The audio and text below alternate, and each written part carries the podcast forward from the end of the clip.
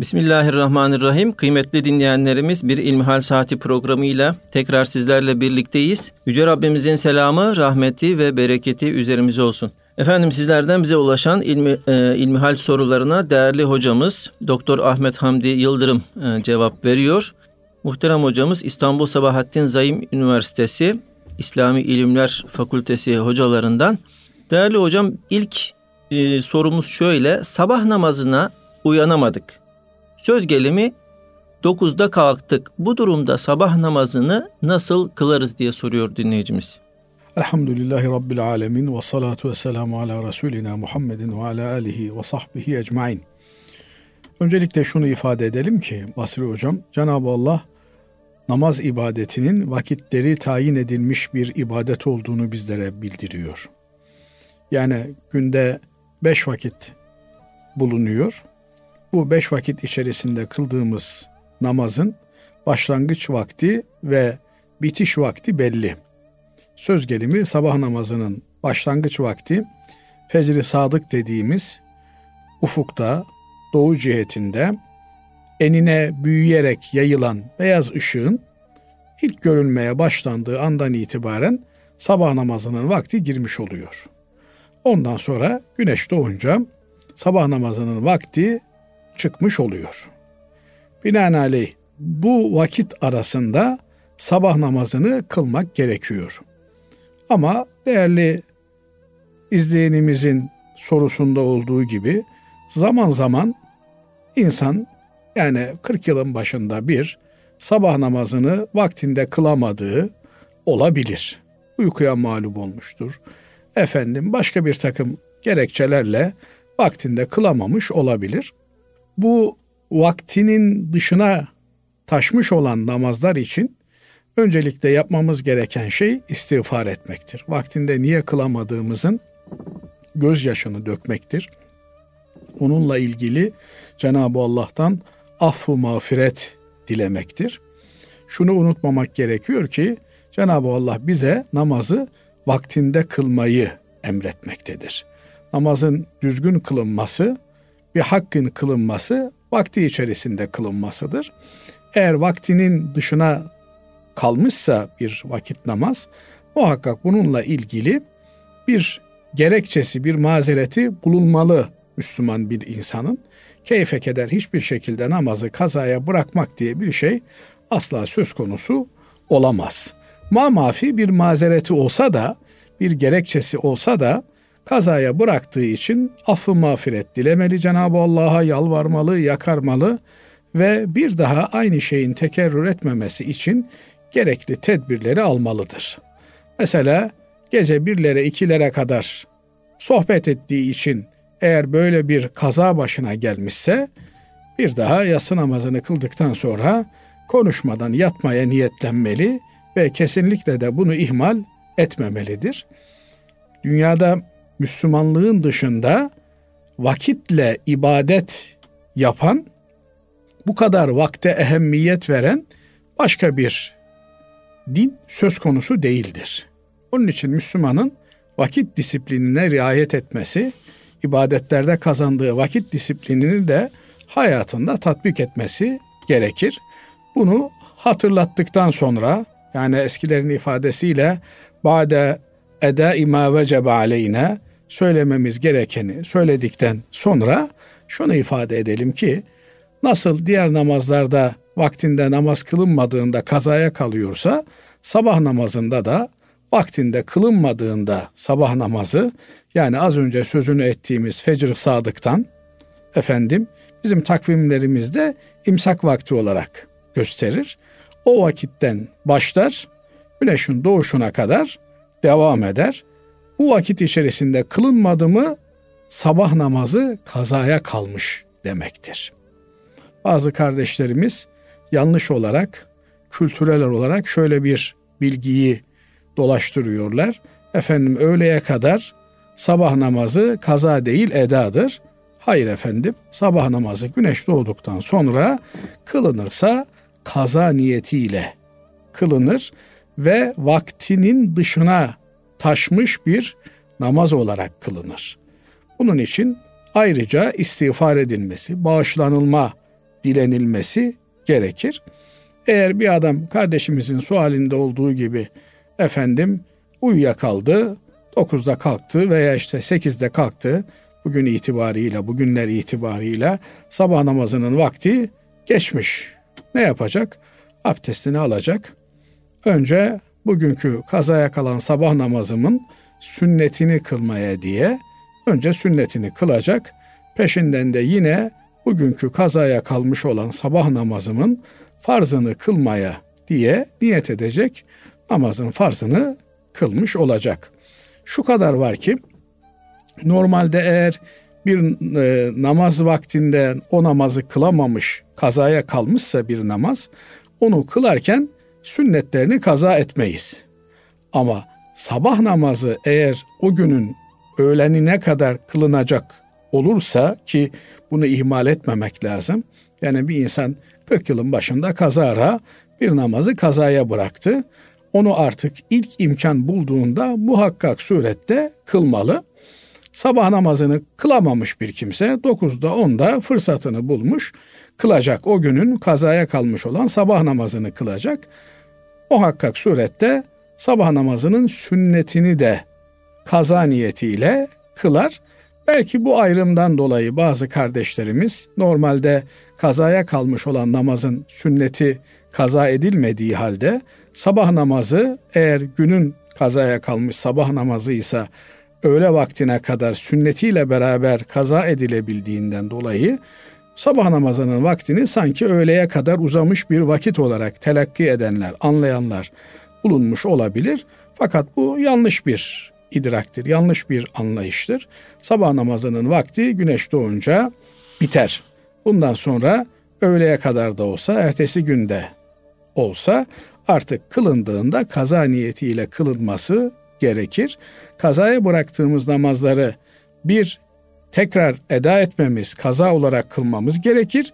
İki, kazaya bıraktığımız için gözyaşı döküp pişman olmamız, pişmanlığımızı ifade etmemiz, bir daha bırakmamaya kesin karar vermemiz, tevbe-i nasuh ile tevbe etmemiz gerekir. Üçüncüsü belki de en önemli olanı kazaya bırakmamıza yol açan gerekçeleri ortadan kaldırma cihetine gitmemiz gerekir. Çünkü namaz dinin direğidir. Din dünyadaki varlık sebebimizdir. Yani biz bu dünyaya ahiretimizi kazanmak üzere, ebedi hayatımızı kazanmak üzere gelmişizdir. Bunun da en önemli vasıtası Allah'a kulluktur. Allah'a kulluğun en belirgin göstergesi de namazdır. Yani bir insan namaz kılmadan kendisinin çok iyi olduğunu, şöyle iyiliksever olduğunu, böyle hayırsever olduğunu filan ifade etmeye çalışsa boş işlerle meşgul oluyordur. Allah bizden öncelikle kul olmamızı istiyor. Yeri gelmişken belki uzatıyorum hakkınızı helal edin Basri Hocam. Bazılarının şöyle söylemleri oluyor. Efendim dünyaya çok önemli icatlarla faydalar sağlamış olan kimseler var. İşte elektriği bulmuş, telefonu bulmuş, şunu bulmuş, bunu bulmuş. E bunlar insanlığa bu kadar hayır yapmalarına rağmen onlar cennete gitmeyecek de iki rekat namaz kılan adam mı cennete gidecek? Evet, iki rekat namaz kılan adam cennete gidecek. Bunu anlamak da zor bir şey değil. Düşünün bir fabrikada çalışıyorsunuz. Fabrikada işverenin verdiği işi yapmıyorsunuz da diğer fabrikanın bütün işlerini yapıyorsunuz. Onlar sizi çok seviyorlar. Ama asıl ücret aldığınız işverene iş yapmıyorsunuz. Ne yapar size bu işveren? Sizi işten çıkartır. Git kardeşim der kime çalışıyorsan ücretini de ondan iste der. Binaenaleyh Cenab-ı Allah bizi yaratmış. Sayısız nimetlerle imkanlar vermiş bize. Cenab-ı Allah'a çalışmayan, ona ibadet etmeyen bir kimse, efendim insanlığın yararına çok büyük işler yapmış. E gitsin insanlıktan ne cennetleri varsa o cenneti istesin. Binaenaleyh böyle şeylerle insanlar kendilerini kandırmamalı. Efendim benim şöyle hayrım var, böyle iyilikler yapıyorum, şunu yapıyorum, bunu yapıyorum. Evet eğer bunlar iman varsa, Allah için yapılmışsa muazzam şeylerdir. Bunların kabına varılmaz. Bunlardan elde edilecek sevap hiçbir şeyle ölçülmez. Ama asıl işini yapmayan bir kimsenin bu tür yaptığı işler onun kar hanesine yazılmaz maalesef.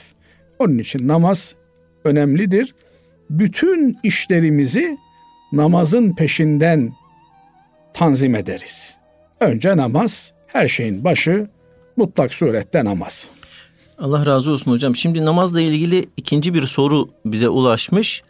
Efendim diyor ki alkollü parfüm sıktığımız yeri su ile yıkasak da kokusu kalıyor. Bu koku necis midir ve namaza engel midir? Şimdi bu alkollü parfüm meselesi ile ilgili alimlerimiz ihtilaf etmişler. Şöyle ki Cenab-ı Allah Kur'an-ı Kerim'de hamrı haram kılıyor ve hamrın rics olduğunu, pislik olduğunu beyan ediyor. Hamır nedir?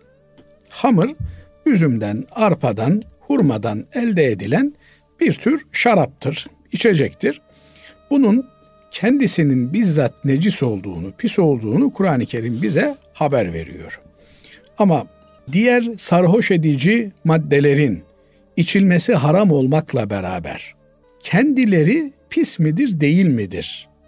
Meselesine gelince burada alimlerimiz ihtilaf etmişler.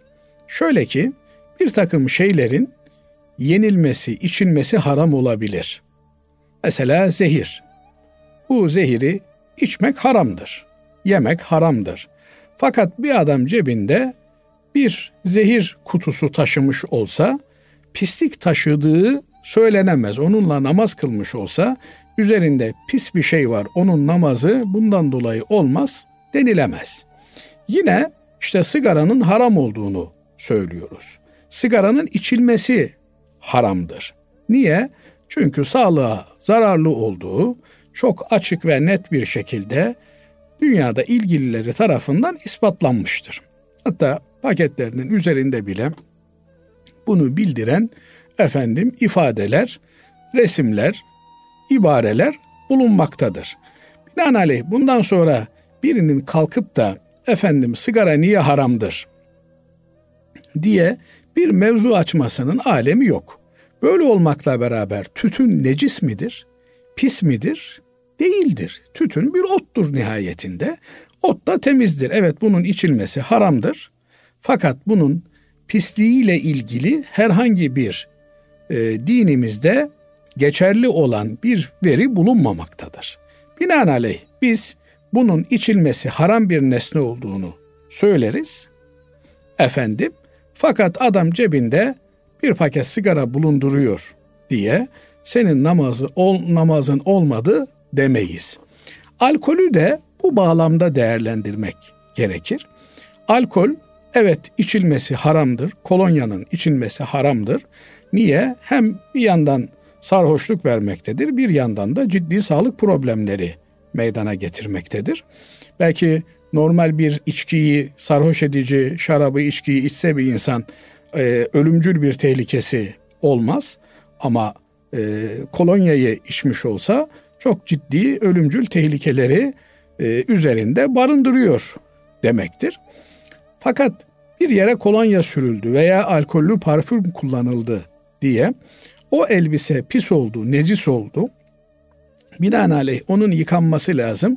Yıkanmadan e, namazın olmazsa olmaz şartlarından bir tanesi elbiselerimizin namaz kıldığımız yerin temiz olmasıdır. Bu şart ihlal edilmiştir. Namaz olmaz denilir mi? Burada alimlerimiz ihtilaf etmişler. Amafi bu tür ihtilaflı meselelere e, ihtiyatla yaklaşmak gerekir. Eğer eline kolonya sürmüşse bir kardeşimiz elini yıkamasında mümkün mertebede eğer bir koku kullanacaksa bunu alkolsüz olanından tercih etmesi e, daha uygundur. Ama e, alkollü bir parfüm kullandı diye elbisesini değiştirmesi belki bazıları bunu vesvese ve takıntı haline de getirebiliyor.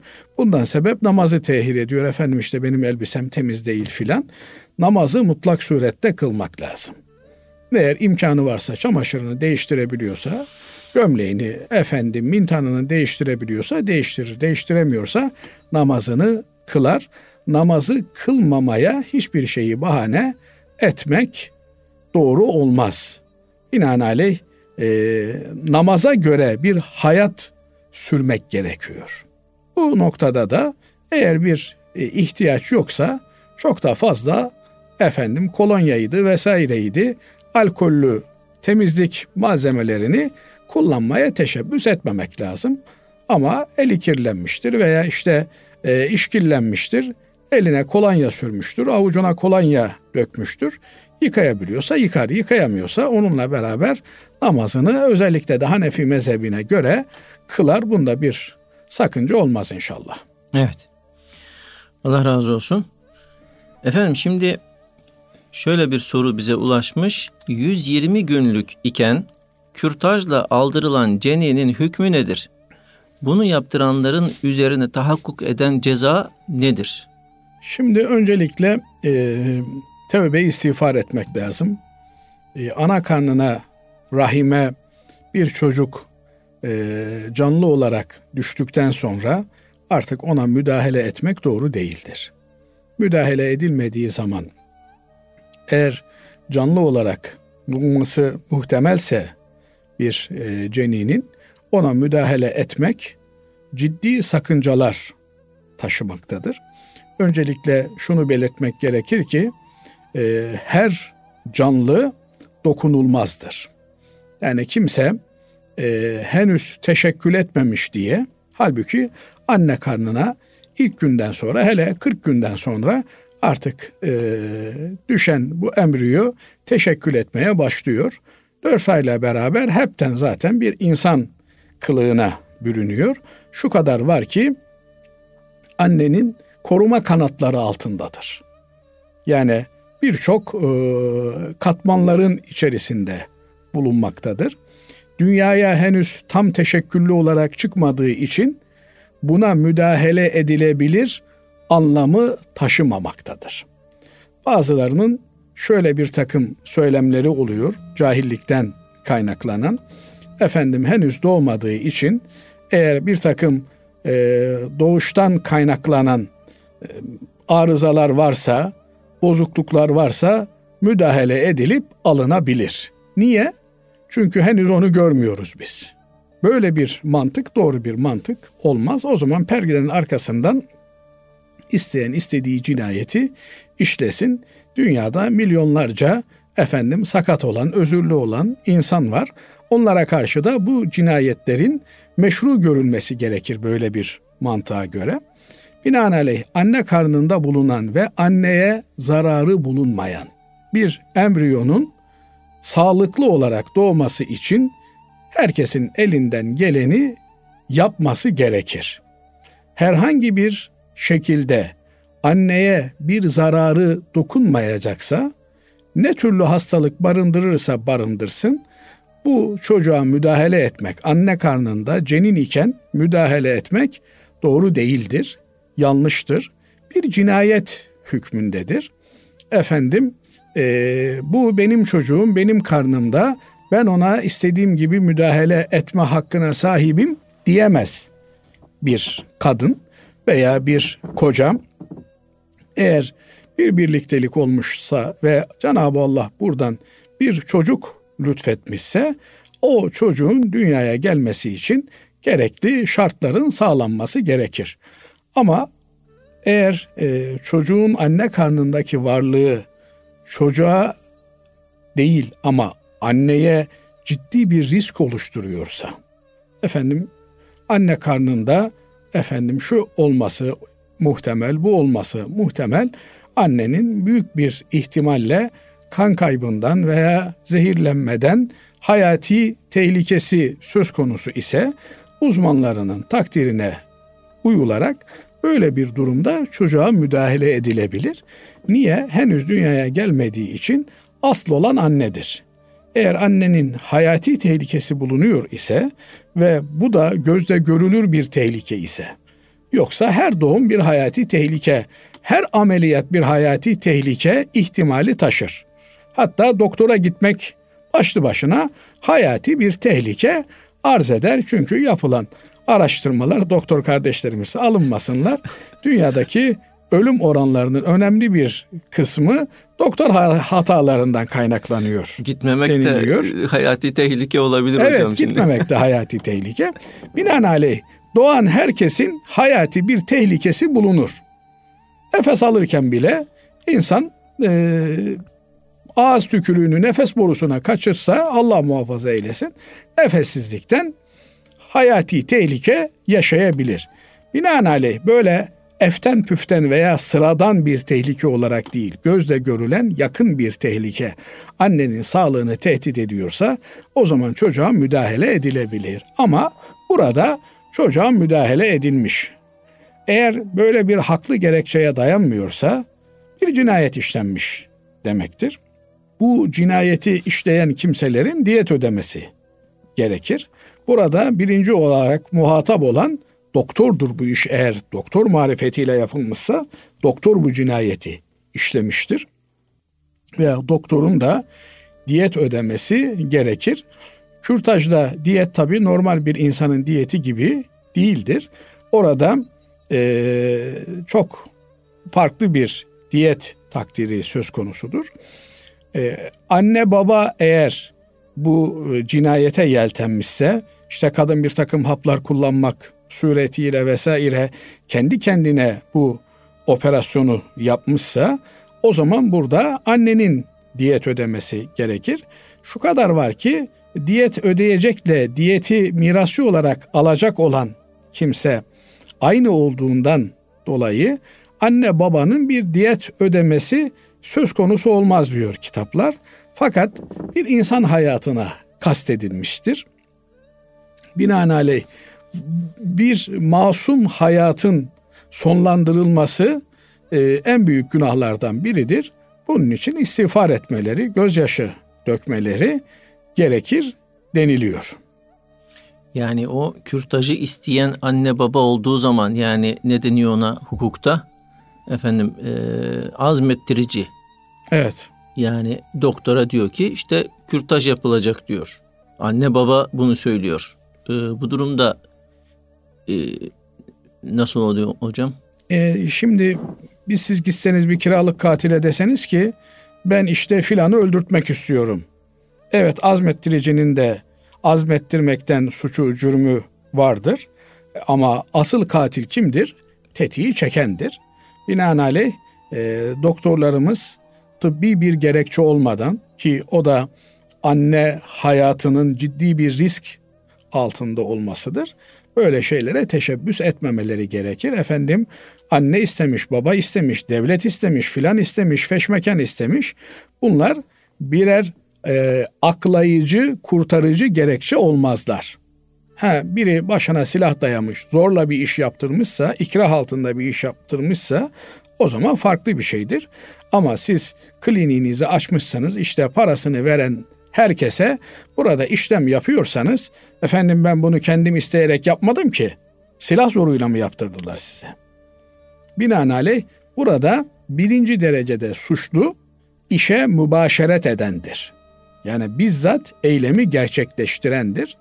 E, eylemi gerçekleştirdiği için de burada sorumluluk ona aittir. Tabi anne baba bu noktada azmettirici oldukları için, imkan sağladıkları için onlar da aynı günaha ortaktırlar. Fakat işin içerisinde ödenmesi gereken e, diyet öncelikle suçu işleyene aittir. Bundan dolayı da e, imanı olan doktorların tıbbi bir gerekçe olmadan tıbbi gerekçeyi de ifade etmeye çalıştık. Evet. O da anne sağlığının görünür bir şekilde ciddi bir surette tehlike altında olmasıdır. Böyle şeylere tevessül etmemeleri, araç olmamaları, böyle bir cinayete ortak olmamaları gerekir. Evet. Allah razı olsun değerli hocam. Kıymetli dinleyenlerimiz şimdi kısa bir araya gidiyoruz. Aradan sonra kaldığımız yerden inşallah devam edeceğiz. Kıymetli dinleyenlerimiz İlmihal Saati programımızda kaldığımız yerden devam ediyoruz. Sizlerden gelen ilmihal sorunlarına değerli hocamız Doktor Ahmet Hamdi Yıldırım cevap veriyor. Muhterem hocam dinleyicimiz şöyle bize yazmış. Merhaba diyor. Babam polis memuru, ailem bankanın vereceği promosyon parasını kullanmak istemiyor. Bu zamana kadar da kullan, kullanmamaya özen gö- gösterdiler. Fakat devletten öğrenim kredisi almıştım. Burs çıkmamıştı. Krediyi ödemeye başladım. Fakat düzenli bir işim yok. Ödemesem de faiz biniyor. Promosyon parasını devletten aldığım öğrenim kredisine yatırsam haram olur mu acaba diyorlar.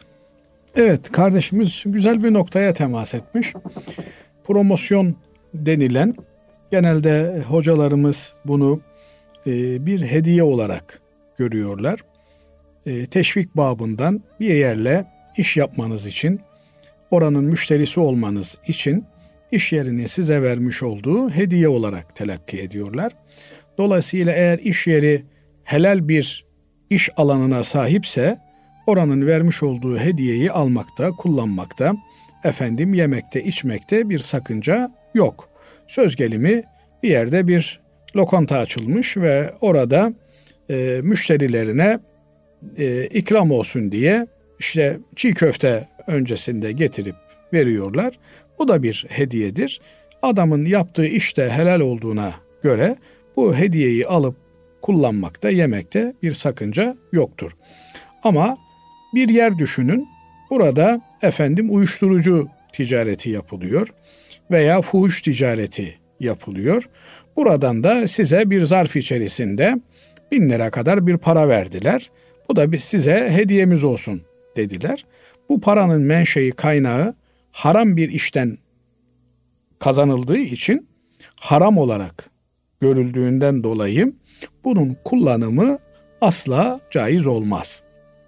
Binaenaleyh promosyonu hediye olarak değerlendiren hocalarımız ki ben de onların bu kanaatine iştirak ediyorum. Eğer promosyonu veren müessese e, helalinden iş yapıyor ise o müessesenin vermiş olduğu hediye kabul edilir. Ama haram bir iş yapıyorsa, faizden besleniyor, nemalanıyor, kurduğu müessese baştan aşağı faiz üzerine bir iş yapıyor ise o zaman buranın vermiş olduğu promosyon hediye bir haram hükmünü taşır. Allah'la savaş halindeki birinden bir şeyi kabul etmeyi de doğru görmezler alimlerimiz. Bir de katılım bankaları bulunmakta. Bunların da promosyonları bir hediye olarak değerlendirildiğinde onların promosyonları yaptıkları işin hükmüne göre değerlendirilir. Eğer onların helal bir ticaret yaptığını, efendim bir e, alım satım yaptığı kanaatini taşıyorsa insan, oradan gelen hediyeyi kullanmasında da bir sakınca görülmez. Fakat genelde daha yüksek meblalar verildiği için konvansiyonel bankalar promosyon denildiğinde akla geliyor. Konvansiyonel bankalar da efendim faizle iştigal eden kapitalist düzenin e, toplumları sömürü aracı olarak kullandıkları bankaların bir benzeri olduğundan dolayı bunların vermiş olduğu promosyonları, hediyeleri birinin kullanması için hakikaten o promosyona ihtiyacının olması gerekir. Hani biliyorsunuz yeme içme insanın zaruri ihtiyaçlarındandır. Efendim ben yemem içmem diyemez bir insan. Bildiğimiz normal şartlarda insanların hayatiyetlerini sürdürebilmeleri için yemeye içmeye ihtiyaç vardır. Eğer bir kimse dağda yalnız başına kalmış veya çölde tek başına kalmış efendim yiyebileceği hiçbir şey yok. İşte çölde bir e, yabani e, eti yenilmesi haram olan bir hayvanla karşılaşmış veya ölmüş bir hayvan bulmuş. Bundan yiyebilir mi? Ölmemek için yiyebilir. Ölmeyeceği kadar yiyebilir. Efendim veya işte e, şarap içilmesi haram ama e, susuzluktan ölmek üzere bir kimse e, şarabı içmesi gerekir mi? Gerekir. Niye? Hayati bir tehlike söz konusu. Belki e, şehir hayatında ihtiyaç kavramını veya zaruret kavramını bu kadar uç noktada değerlendirmek de doğru olmayabilir. Benim acizane kanaatim şöyle diyorum Basri Hocam.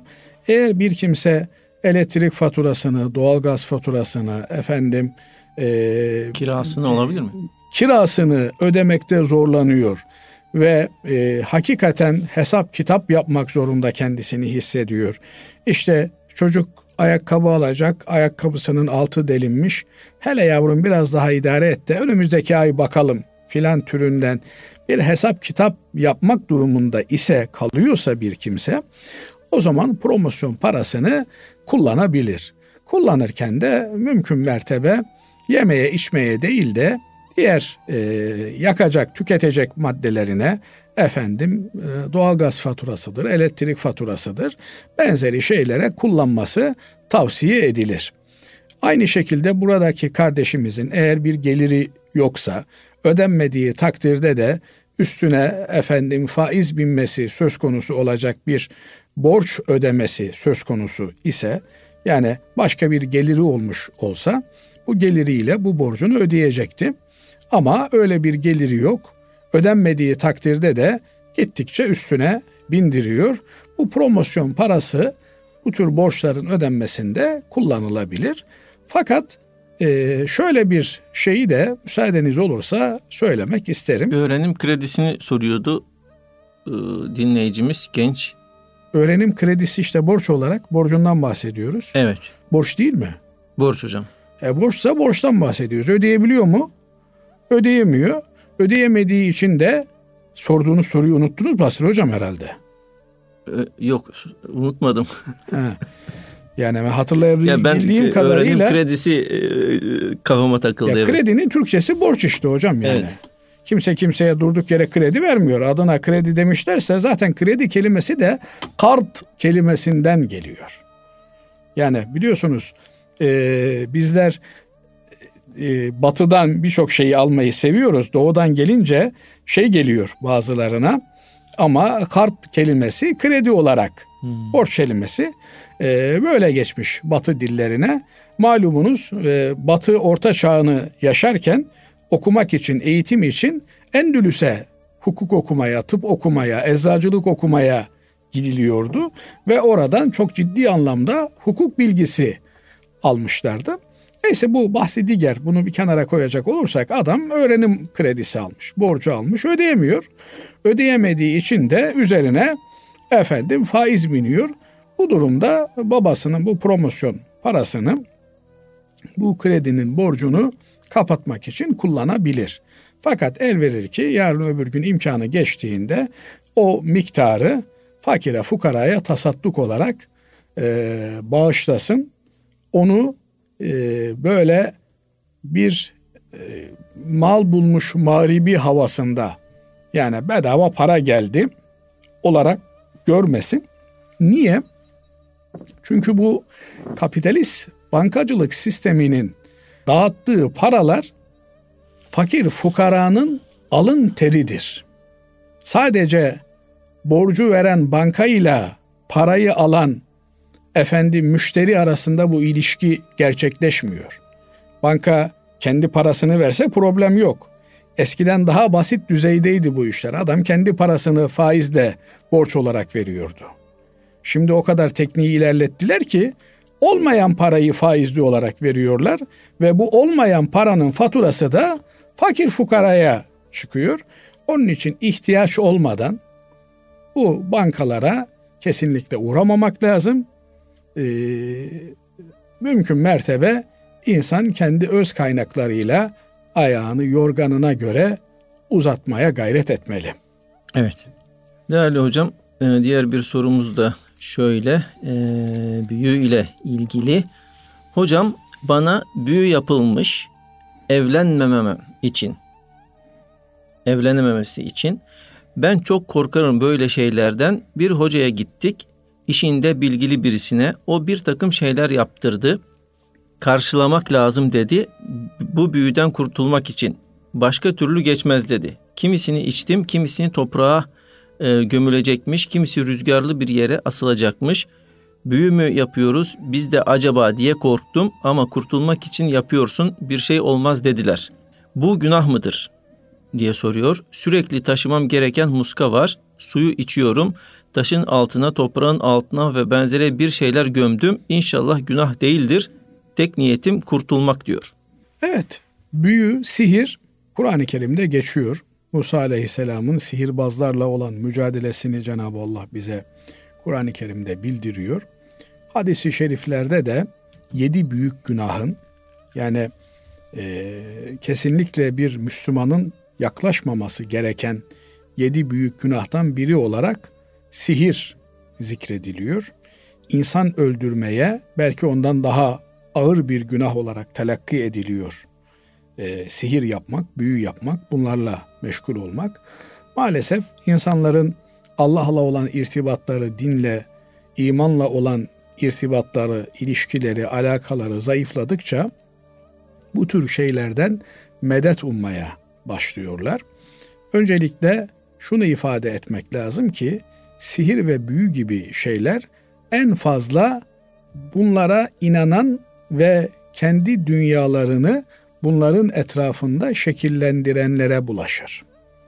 Bu psikolojik bir travmaya dönüştüğünde insanı zayıf olarak yakaladığında onda bir takım e, fiziksel etkilenmelere de götürebilecek ruhi sıkıntılar doğurur. Biliyorsunuz insan dediğimiz yapı mana ve maddeden ibaret, ruhtan ve bedenden ibaret. Fakat ruhi hastalıklarımız bedene sirayet edebiliyor. Bedeni hastalıklarımız da ruhumuza etki edebiliyor. Dolayısıyla bu iki yapıyı birbirinden bağımsız olarak düşünmemek gerekiyor. Bir takım e, insanlar hayırda kullanmaları gereken Allah'ın kendilerine vermiş olduğu enerjileri şerde, kötülükte kullanabiliyorlar. Büyünün biliyorsunuz en basit düzeyi hasettir, çekememezliktir. Bir insanın hayrına yönelik e, menfi tavır ve tutumlardır.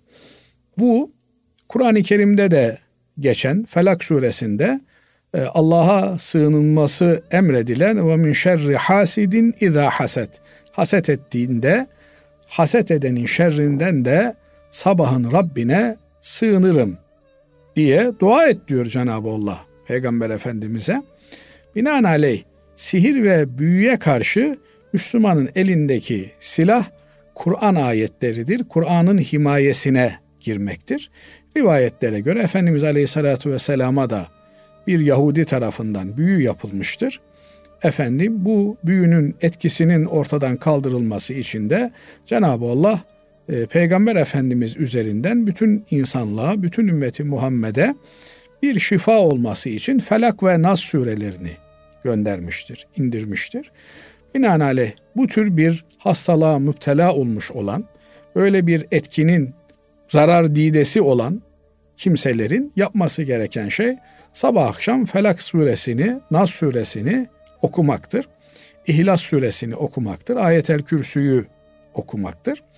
Ayetel Kürsü'yü okuyan kimselere bu tür şeyler etki etmez. Yine Efendimiz Aleyhisselatü Vesselam e, Bakara suresi okunan eve batala yani boş işlerle, batıl işlerle uğraşanlar, sihirle, büyüyle uğraşanlar tesir edemezler buyuruyor. Binaenaleyh bu tür bir sıkıntıyı kendinde vehmeden düşünen kimselerin öncelikle yapması gereken şey Bakara suresini düzenli bir şekilde okuma gayreti içerisinde olmasıdır. Fakat bunlar tabi psikolojik rahatsızlıkların tamamında da aynı şeyler bulunmaktadır. Yani e, maddi rahatsızlıklara benzemezler. Adam hastadır. Hastalığı dışarıdan bakınca görünüyordur. Onun tedavisi daha kolaydır. En azından tedavisinin test edilmesi mümkündür. Yani iyileşip iyileşmediği efendim e, tahlillerle ortaya çıkabilecektir.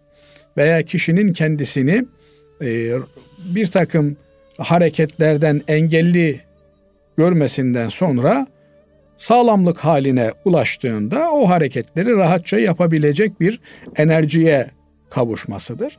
Ama psikolojik rahatsızlıklar böyle değildir. Bakarsanız dağ gibi adam herkes maşallah maşallah der ama adam kendi kendini yiyip bitiriyordur.